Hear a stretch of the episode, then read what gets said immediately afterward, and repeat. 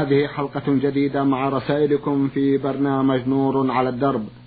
رسائلكم في هذه الحلقة نعرضها على سماحة الشيخ عبد العزيز ابن عبد الله بن باز الرئيس العام لإدارات البحوث العلمية والإفتاء والدعوة والإرشاد.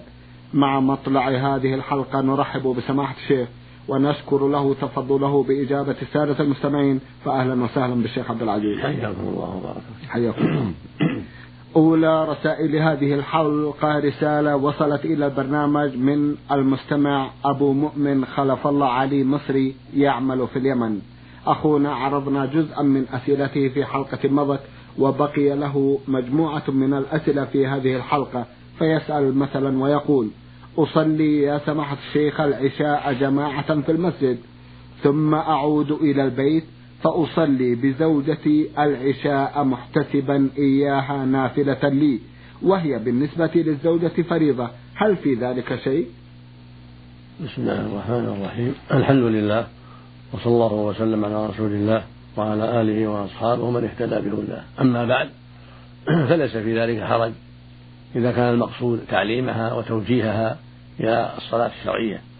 فقد كان معاذ بن جبل رضي الله تعالى عنه يصلي مع النبي صلى الله عليه وسلم صلاة العشاء ثم يرجع إلى بيته ثم يرجع إلى قومه فيصلي بهم تلك الصلاة. فتكون له نافلة ولجماعته فريضة فلا حرج في ذلك. وفي هذا فائدة من جهة التعليم والتوجيه. ولا أعلم بهذا بأسا إن شاء الله. نعم. جزاكم الله خيرا. اقترضت من صديق مبلغا من المال بالدولار. هل يجوز سداد هذا المبلغ بما يساويه من من عملة أخرى كالريال اليمني مثلا أو الجنيه؟ نعم لا بأس. أن يكون الإنسان اقترض عملة ثم يسددها بعملة أخرى بالتراضي. إذا رضي صاحب العملة الأولى أن يأخذ عنها عملة أخرى فلا حرج في ذلك. يدا بيد من غير تأخير. فقد ثبت عن رسول الله صلى الله عليه وسلم أنه قيل له يا رسول الله إن نبيع بالدراهم ونأخذ الدنانير. ونبيع بالدنانير ونأخذ الدراهم. فقال عليه الصلاة والسلام لا بأس أن تأخذها بسعر يومها ما لم تفترقا وبينكما شيء. فإذا اقترضت مثلا مئة دولار وأعطيت صاحبها عنها عملة أخرى كالريال السعودي أو اليمني أو الدينار الأردني أو العراقي يدا بيد بحسب القيمة فلا بأس بذلك. طيب. أو زدته زيادة على ذلك مم. لأنك تراه محسنا إليك زدته على ذلك فلا بأس. لقوله صلى الله عليه وسلم إن خيار الناس أحسنهم قضاء. وهكذا لو باع عليك سيارة بعشرة آلاف مثلا دولار ثم أعطيته عنها ما يقابلها من دنانير أو الريال السعودي أو اليمني أو ما أشبه ذلك من العمل الأخرى فلا بأس لكن بشرط التقارب في المجلس. وأن لا تتفرق تتفرقا بينكما شيء وأن تعطيه إياها بسعر يومها. حين المعاوضة. نعم. هل يباح للحائض أن تقرأ الكتب الدينية أو الصحف الإسلامية؟ نعم لا بأس عليها أن تقرأ الصحف. الدينية والكتب الإسلامية كتب مثل كتب الحديث كتب الفقه نعم. كتب التفسير حتى ولو التفسير ولو فيها القرآن. طيب. لا بأس بذلك طيب. لأن الكتاب كتاب تفسير ليس مصحفا. والصحيح أيضا أنها لها أن تقرأ القرآن في حال الحيض والنفاس من دون مس المصحف لأن حدثها يطول بخلاف الجنوب. أما الجنوب فلا يقرأ حتى يغتسل لأن مدته لا تطول متى فرغ من حاجته أمكنه الغسل. ولهذا كان عليه الصلاة والسلام لا يقرأ القرآن. حال كونه جنوبا. ويقول أما الجنوب فلا ولا آية. أما الحائض والنساء فمدتهما تطول وقد تنسى حفظها ويشق عليها ترك القرآن في المدة الطويلة. فلهذا كان الصحيح من قول العلماء في هذا الجواز. وبعض أهل العلم منعها من ذلك وقاسها على الجنوب. والصواب أنها لا ليست مثل الجنوب والقياس غير صحيح. لأن الجنوب مدته قصيرة. نعم. والمراه الحائض مدتها طويلة. نعم. والنفاس أطول. نعم. فلا يقاس الطويل على القصير ولا يقاس ما فيه مضرة كبيرة على ما لا مضرة فيه. نعم. أما ما روي عنه صلى الله عليه وسلم قال لا تقرأوا الحائض ولا الجنوب شيئا من القرآن فهو حديث ضعيف. لا تقوم به الحجة عند أهل العلم. لأنه من رواية إسماعيل بن عياش عن الحجازيين وروايته عنه ضعيفة لا يحتج بها عند أهل العلم. ولأن الرسول صلى الله عليه وسلم قال لعائشة لما حاضت في حجة الوداع دعي العمرة وأحرمي بالحج واغتسلي وافعلي ما يفعل الحجاج غير أن لا تطوف البيت حتى تطهري ولم يمنعها من القرآن ولم يقل لها لا تقرأي. وإنما منعها من الطواف والصلاة فدل ذلك على أن القرآن لا حرج فيه في الحال والنفساء من دون مس المصحف. نعم. جزاكم الله خيرا. يقول الله سبحانه وتعالى والحافظين فروجهم والحافظات هل تذكر كلمة الفرج في كتاب ربنا ويقصد بها عضو التناسل في كل من الذكر والأنثى. نرجو الإفادة مع شرح الآية. جزاكم الله خيرا. نعم. المراد بذلك حفظ الفرج الذي هو فرج المرأة وفرج الرجل. يعني حفظ فرجها عن غير زوجها وسيدها وحفظ فرجه عن غير زوجته وأمته. والمعنى أنهم أن المؤمن والمؤمنة قد حفظ فروجهما عن الزنا واللواط. والله سبحانه يقول قد أفلح المؤمن ويقول إن المسلمين والمسلمات والمؤمنين والمؤمنات والقانتين والقانتات والصادقين والصادقات والصابرين والصابرات والخاشعين والخاشعات والمتصدقين والمتصدقات والصائمين والصائمات والحافظين فروجهم والحافظات والذاكرين كثيرا والذاكرات أعد الله لهم مغفرة وأجرا عظيما. هذه آية عظيمة.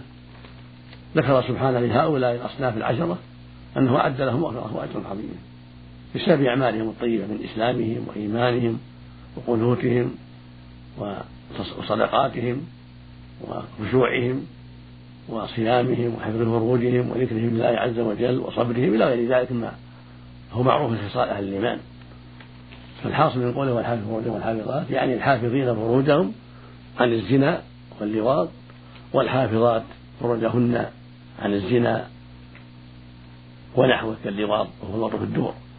لأنه ليس للزوج أن يطأ زوجته إلا في قبولها وليس له يطأها في دبرها. هذه يقال لها اللواطة الصغرى فليس له يطأها إلا في محل الحرث وهو الفرج وهو القبل وليس له أن يطأ آمته وهي السرية إلا في فرجها وهو القبل ليس له يطأها في دبرها.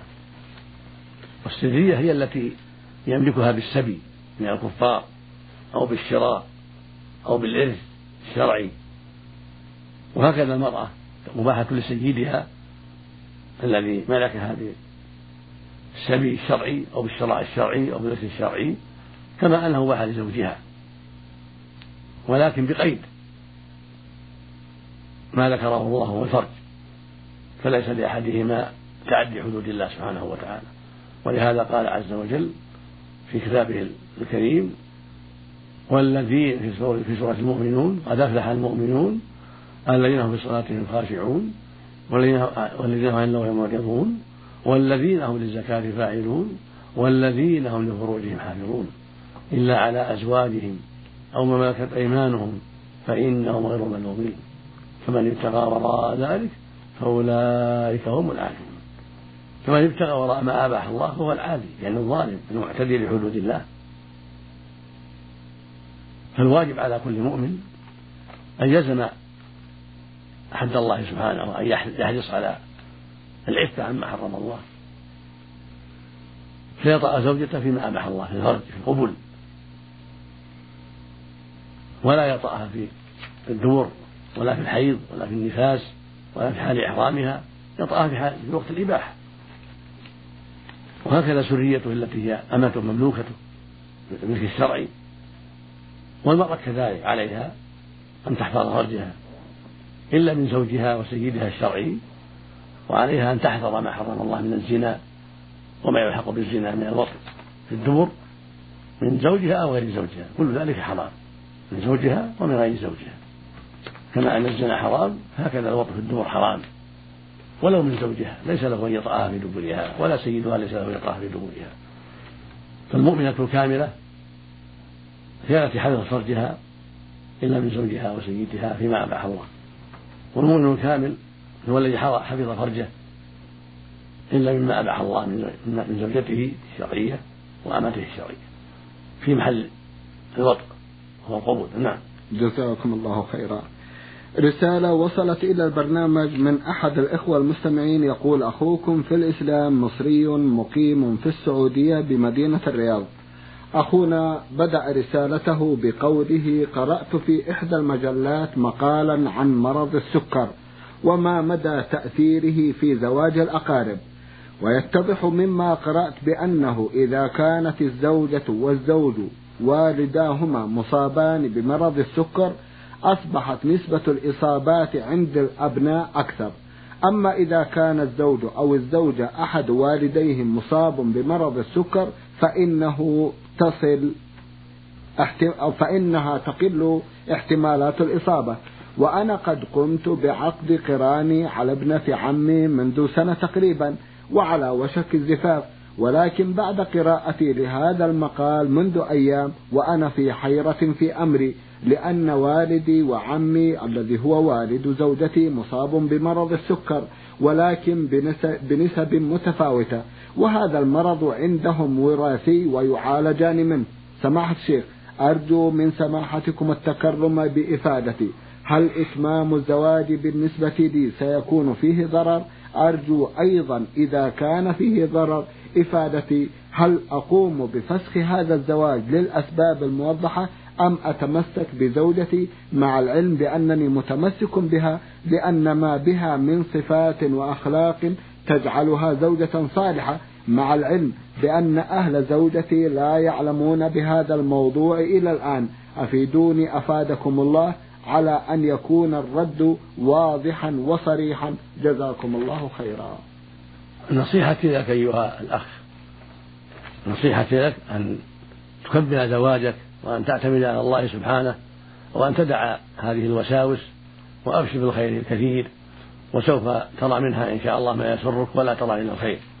أما تفاصيل أمر السكر وما يحصل للأولاد هذا شيء يحتاج إلى نظر وقد يعرف بالتجارب الكثيرة وقد يعرفه خواص الأطباء الذين جربوا كثيرا.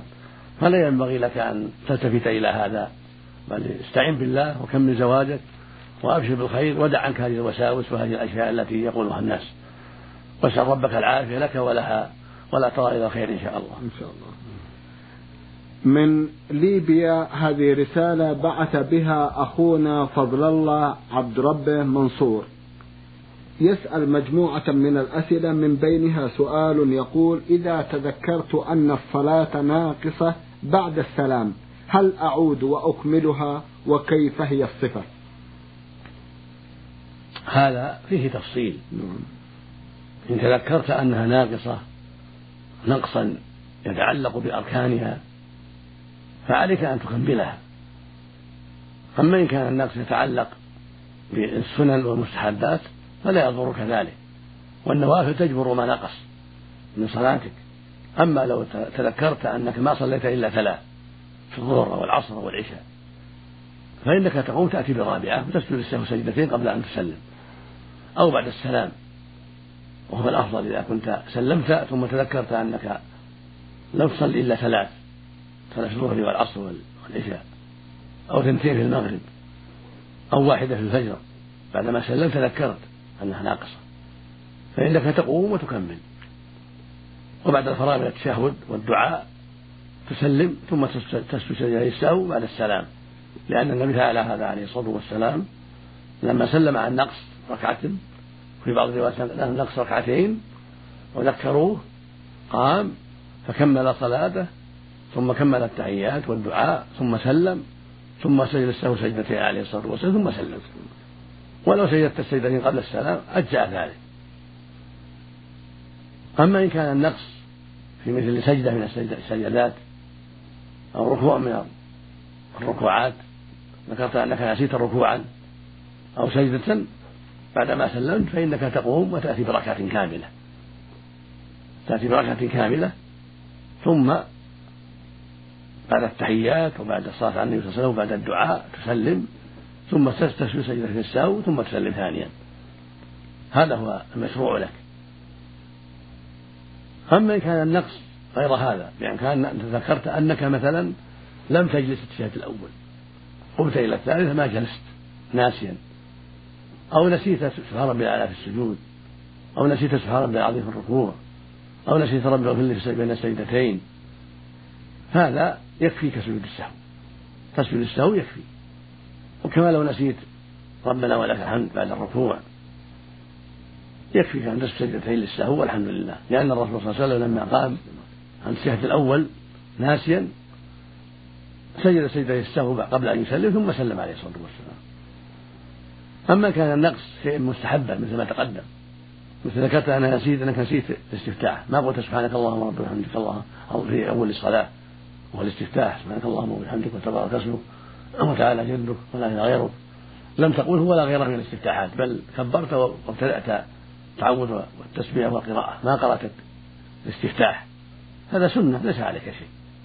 كذلك لو تذكرت أنك مثلا ما دعوت في السجود. سبحان ربي الأعلى ولا دعوت في السجود فليس عليك لأن الدعاء في السجود مستحب طيب. وليس بلازم. طيب. أو تذكرت أنك ما كررت سبحان ربي العظيم كثير ما قلتها إلا مرة أو مرتين. فإن ليس عليك شيء. أو تذكرت أنك بعدما صليت على النبي صلى الله عليه وسلم في التشهد الأخير سلمت ولا أتيت بالدعاء تعود من الأربع. فلا شيء عليك. وهكذا لو تذكرت أنك قلت بين السجدتين رب لي مرة واحدة. ما كثرت. ما أنت ما كررتها ثلاث. قلتها مرة فقط ثم سجدت الثانية ليس عليك شيء. لأن هذه سنن نوافل. نعم. وليست بواجبة فإذا تركها الإنسان ناسيا أو عامدا فهذا نقص ليس عليه فيه شيء وصلاته صحيحة. وفق الله الجميع. اللهم آمين. جزاكم الله خيرا.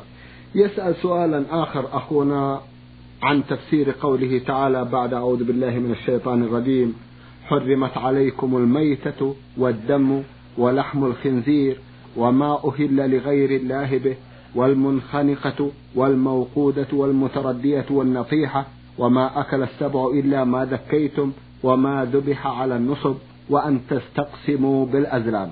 أرجو تفسير هذه الآية. وهل النطيحة إذا ذبحت وهي حية تعتبر حرام؟ وهل المقصود من النطيحة هي التي تنطحها شاة أخرى؟ أرجو الإجابة عن ذلك. جزاكم الله خيرا. الآية واضحة. طيب. يقول سبحانه حرمت عليكم الميتة الميتة معروفة التي تموت حتفاء فيها. هذه حرام. نعم. سواء كانت بقرة أو ناقة أو شاة أو ظبي أو أرنب أو دجاجة أو غير ذلك. والدم هو المسفوح الذي يسيل من البهيمة عند ذبحها. وهكذا يسيل من الجروح. هذا نجس محرم نعم. لقوله لا تفرى أو دما مسفوحا.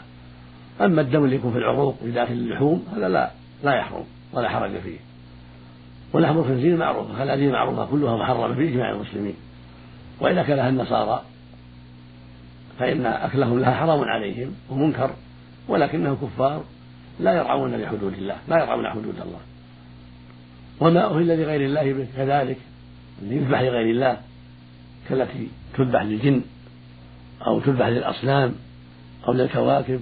أو للزار يذبح شاة أو بقرة أو بعير يذبحه للجن يتقرب إلى الجن يخاف منهم أو يذبح للأصنام أو لأصحاب القبور يتقرب إليهم بالذبائح كما يفعل بعض الجهلة أو يذبحه للكواكب للثريا أو لكذا أو للشمس أو غير ذلك. هذه يقال لها ذبيحة ميتة يقال لها مهلة لغير الله. نعم. يعني نحرت لغير الله وسمي عليها غير الله سبحانه وتعالى. هذه ميتة مثل ذبائح المشركين والمنخنقة هي التي تخنق بالحبل أو باليدين يخنقها إنسان. مثل فيها حبل في رقبتها فانخنقت به وماتت. نعم. أو خنقها غيرها جرح عليها حتى ماتت. هذه يقال لها منخنقة وموقوذة هي التي تضرب بشيء ثقيل مثل شاة يضربونها بالخشب أو بالأحجار حتى ماتت. هذه يقال لها موقوذة نعم. وهكذا لو ضربها بخشبة أو بالرمح بحافة الرمح سماها النبي وقيد وقيدة. لأنها ذبحت لأنها ماتت بالمثقل بحافة وعرض الرمح مثلا أو بخشبة أو بحجر سقط عليها أو باب سقط عليها حتى ماتت يقال لها وقيدة وموقولة نعم. كل هذا محرم. نعم. والمتردية لتسقط من جبل أو من سطح طابق أعلى أو تسقط في حفرة أو في بئر وتموت. والنطيحة هي التي تنطحها أختها عنز نطحتها عنز. خروف نطح خروف. بقرة نطحتها بقرة ثور نطحه ثور وهكذا. فالمتناطحتان إذا ماتتا أو ماتت إحداهما فهي ميتة. إلا أن تدرك وهي حية وتزكى تحل. طيب. وهكذا الموقولة وهكذا المتردة كلها إذا أدركها صاحبها أو اسم مسلم أدركها حية ما بعد ماتت وذكاها حلت. وهكذا ما أكله السبع. ما ما نيبه السبع الذيب أو الأسد أو النمر طعنها بنابه ولكن أدركها صاحبها حية ثم ذبحها فإنها تحل أيضا. وهكذا ما ذبح على النصر ما ذبحه الكفار على أصنامهم لأصنامهم. يذبحونه تعظيما لأصنامهم. هذا مثل ما أهل بغير الله. ميتة. هذا قال بعد إلا ما ذكيتم. ما ذكي ذكاه المسلمون وهو حي فإنه حلال. وهكذا ما ذكاه أهل الكتاب اليهود والنصارى. إذا ذكاه على وجه على الوجه الشرعي فإنه يحل. إذا أدرك حيا قبل أن يموت لأن أدركه يتحرك بيده أو يده أو ما يعني المقصود أدركه حيا. نعم. نعم. نعم. جزاكم الله خيرا. يوجد عندنا من يقول الذي يؤذن هو الذي يقيم الصلاة. وتوجد عندنا ظاهرة قراءة آية الكرسي قبل التسبيح الذي بعد الصلاة. ما رأيكم في هذا؟ افتونا جزاكم الله خيرا. الأفضل أنه يتولى الإقامة من يتولى الإمام هذا هو الأفضل. ولو أقام غيره فلا حرج. طيب. لو أقام غيره فلا حرج. ولكن الأفضل هو أن المؤذن هو الذي يقيم كما كان بلال يؤذن ويقيم رضي الله عنه. لكن لو أقام غيره يعني شغل المؤذن أو آه، سمح بأن يقيم غيره فلا بأس بذلك. وكذلك ظاهرة قراءة آية الكرسي قبل التسبيح لا حرج في ذلك. الرسول صلى الله عليه وسلم ندب إلى قراءة آية الكرسي بعد الصلاة. فإن قرأها قبل الذكر فلا بأس لكن الأفضل أن تكون بعد الذكر. طيب. لأن الرسول صلى الله عليه وسلم كان يذكر الله بعد السلام. فالأفضل يبدأ بالذكر أيوة. ثم يأتي بها سرا بعد الأذكار. هذا هو الأفضل. جزاكم الله خيرا. وإن كانت قراءة آية الكرسي جماعية سمعت الشيخ؟ لا يقرأها سرا بينه وبين نفسه لا جماعية. ليست جماعية. يقرأها الإنسان بعد السلام وبعد الذكر نعم. سرا بينه وبين نفسه. ولا يقرأها جماعية مع الناس. نعم. بارك الله فيكم. أعتقد أن أخانا يسأل عن كونها مقروءة جماعة. لا جماعية لا أصلح. نعم. بدعة لا يجوز. لا يجوز قراءة جماعية. بارك الله ولكن تقرأ بينه وبين نفسه بعد الأذكار الشرعية. هذا هو الأفضل كل مصل يقرأها بينه وبين نفسه بعد ما يفرغ من الأذكار. بارك الله فيكم. هل يجوز هكذا هكذا نعم. قراءة قل هو الله أحد المعوذتين يقرأها بينه وبين نفسه بعد كل صلاة. وبعد الفجر ثلاثة وبعد المغرب ثلاثة. أقول والله أحد المعوذتين ثلاثا بعد المغرب ثلاثا بعد الفجر. أما بعد الظهر والعصر والعشاء فمرة واحدة بينه وبين نفسه. نفع الله بكم. نعم. هل يجوز الحج قبل الوالدين؟ وإذا كان أحد الوالدين مصاب بمرض عقلي هل يجوز الحج عنه؟ أفيدونا أثابكم الله. لا حرج أن يحج الإنسان قبل والده. لا بأس يحج قبل أمه قبل أبيه لأن قد يتيسر له الحج ولا يتيسر لهما. فلا حرج في ذلك ولا نعلم خلافا في هذا بين أهل العلم. وإذا كان الوالد مجنونا أو فاقد العقل غير جنون نعم. فلا بأس أن يحج عنه يحج عنه ولده برا له سواء كان الوالد أبا أو أما. لأن الحج الذي لا يصح من المجنون إذا باشره بنفسه. ما يصح حج المجنون والمعتوه إذا باشره بنفسه. أما إذا كان حج عنه غيره فلا بأس بذلك. نعم وليس عليه حج فريضة. نعم. يعني إذا بلغ وهو مجنون لا حج عليه. لكن لو حج عنه ولده أو أخوه أو غيرهما فلا بأس وله أجر ذلك. بارك الله فيكم. لا زالت الأسئلة لأخينا من ليبيا يقول يوجد عندنا مسجد بجانبه قبران خارج المسجد. أحدهما يوجد داخل حجرة مبنية له بحجة أنه ولي صالح. ويوجد بداخل الحجرة صندوق مخصص للتبرعات يضع فيه الزوار النقود وتنفق هذه النقود فيما ينقص المسجد. السؤال ما الحكم في إنفاق هذه النقود؟ وما الحكم بالنسبة للصلاة فيه؟ وبماذا تنصحوننا؟ افتونا أتابكم الله. إذا كان القبر خارج المسجد فلا حرج. في الصلاة في المسجد لأنه مستقل حينئذ.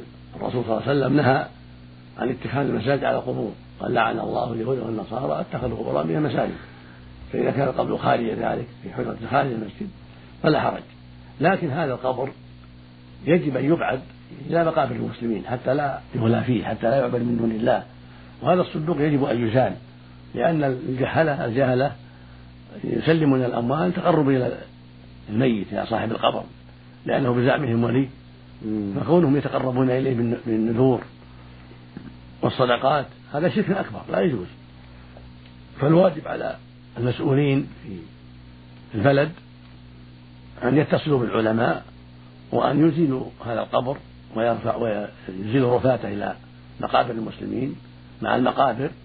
وتزال هذه الحجرة التي قد يفتن بها الناس ويزال الصندوق. وهذه الأموال التي في الصندوق تصرف في مصالح المسلمين.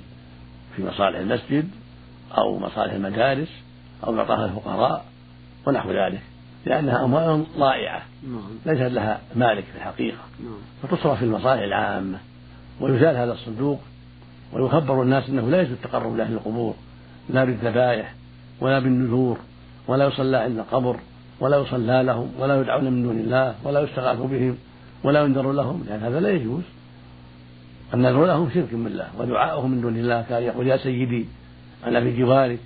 يا سيدي المدد المدد. هذا شرك أكبر من جنس عمل المشركين في عهد النبي صلى الله عليه وسلم من أهل مكة وغيرهم. الميت يدعى له ويستغفر له ويترحم عليه. ولا يدعى من دون الله لا يستغاث به لا ينذر له لا يذبح له. فمن فعل هذا مع الأموات فقد أشرك. قال الله عز وجل قل إن صلاتي ونسكي ومحياي ومماتي لله رب العالمين لا شريك له. وبذلك أمرت وأنا أول المسلمين. قال سبحانه إنا أعطيناك الكوثر فصل لربك وانحر. وقال عليه الصلاة والسلام في الحديث الصحيح عن علي رضي الله عنه أمير المؤمنين أنه قال عليه الصلاة والسلام لعن الله من ذبح لغير الله لعن الله من لعن والديه لعن الله من آوى محدثا يعني مبتدعا نعم. أو غيره ممن يحدثون حدثا في الدين. وينصرون ويجارون. لعن الله من غير من الأرض يعني مراسيمها وحدودها. والشاهد قل لعن الله من ذبح لغير الله. الذبح لغير الله تقرب إلى غير الله كالصلاة لغير الله. فلا يجوز أن يذبح لفلان أو فلان تقربا إليه الميت الفلاني والولي الفلاني أو للجن أو أو للملائكة يتقرب إليهم. أو للأنبياء يعبدهم بهذا من دون الله هذا لا يجوز. الذبيحة لله وحده والدعاء كذلك لا يدعى مع الله أحد. نعم, نعم. نعم. سماحة الشيخ في الختام أتوجه لكم بالشكر الجزيل بعد شكر الله سبحانه وتعالى على تفضلكم بإجابة السادة المستمعين وآمل أن يتجدد اللقاء وأنتم على خير. وفق الله وفق الله اللهم آمين. مستمعي الكرام كان لقاؤنا في هذه الحلقة مع سماحة الشيخ عبد العزيز بن عبد الله بن باز الرئيس العام لإدارات البحوث العلمية والإفتاء والدعوة والإرشاد. شكرا لكم مستمعي الكرام وسلام الله عليكم ورحمته وبركاته